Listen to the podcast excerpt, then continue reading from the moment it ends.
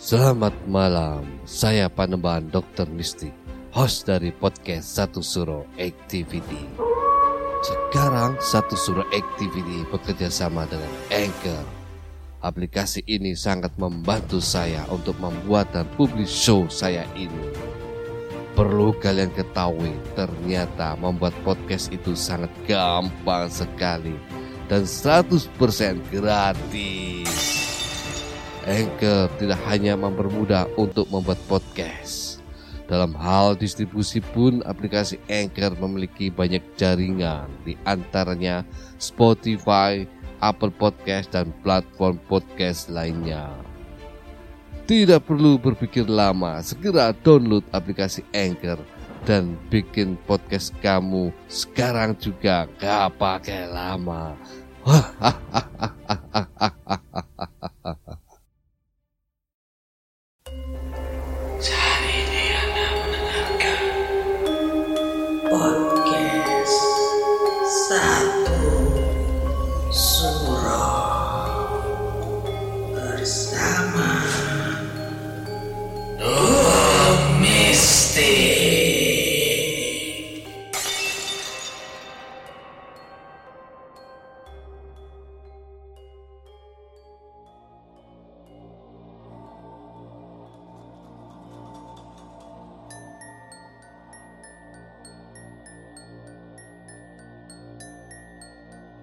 Assalamualaikum warahmatullahi wabarakatuh. Salam, salam, salam. Selamat malam, rahayu, rahayu, rahayu. Para pendengar satu suro activity. Saya penembahan dokter mistik. Bagi beberapa orang, mengerjakan suatu tugas dilakukan di malam hari begitu menyenangkan karena tenangnya malam membuat konsentrasi meningkat dan tugas selesai dengan baik. Kadang kala di tengah keasikan mengerjakan tugas tanpa kita sadari ada sosok makhluk gaib seperti mengawasi seperti halnya kisah mistis sosok putih menyisir rambut dari Della. Selamat mendengarkan. Assalamualaikum, perkenalkan nama saya Dela. Saya mau membagikan cerita seram dari saya. Ceritanya, waktu malam saya terbiasa bangun malam jam 21.30. Saya terbangun karena ada tugas yang belum saya kerjakan.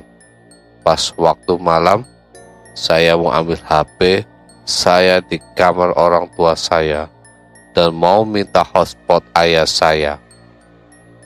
Pas sudah mengambil HP saya dan meminta hotspot ayah saya kembali lagi ke kamar saya dan mau lihat tugas sekolah saya. Pas mau lihat tugas sekolah dari guru saya, mendengar suara orang yang lagi nyanyi, padahal waktu itu gak ada siapa-siapa orang tua sedang tidur. Abang saya juga tidur dan saya penasaran dengan orang lagi nyanyi itu. Saya melihat di jendela terus yang saya lihat itu adalah sosok putih rambut panjang dan dia lagi menyisir rambutnya dan bernyanyi. Pas itu saya melihat terus sampai jam 21.56 itu pun saya dengan tatapan kosong dari pikiran saya kosong. HP saya bunyi terus tapi tidak terdengar di telinga saya. Dan sosok putih pun melambaikan tangannya ke saya untuk keluar menghampiri dia dan saya pun keluar kamar dan ayah saya pas itu bangun ke kamarnya dan mau ke kamar mandi dan ayah saya melihat saya mau membuka pintu mau keluar menghampiri sosok putih itu. Ayah saya menarik saya dan berkata, Nak, kamu mau ke mana? Mau keluar? Kamu kan ini udah malam.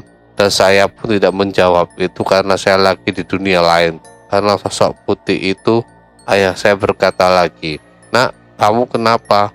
Kok kayak aneh banget? Terus bunda saya pun terbangun karena ada yang mengobar di depan pintu dan bunda saya berkata ke ayah saya, dia kenapa ya Gak tahu dia aneh banget masa malam-malam gini mau pergi keluar.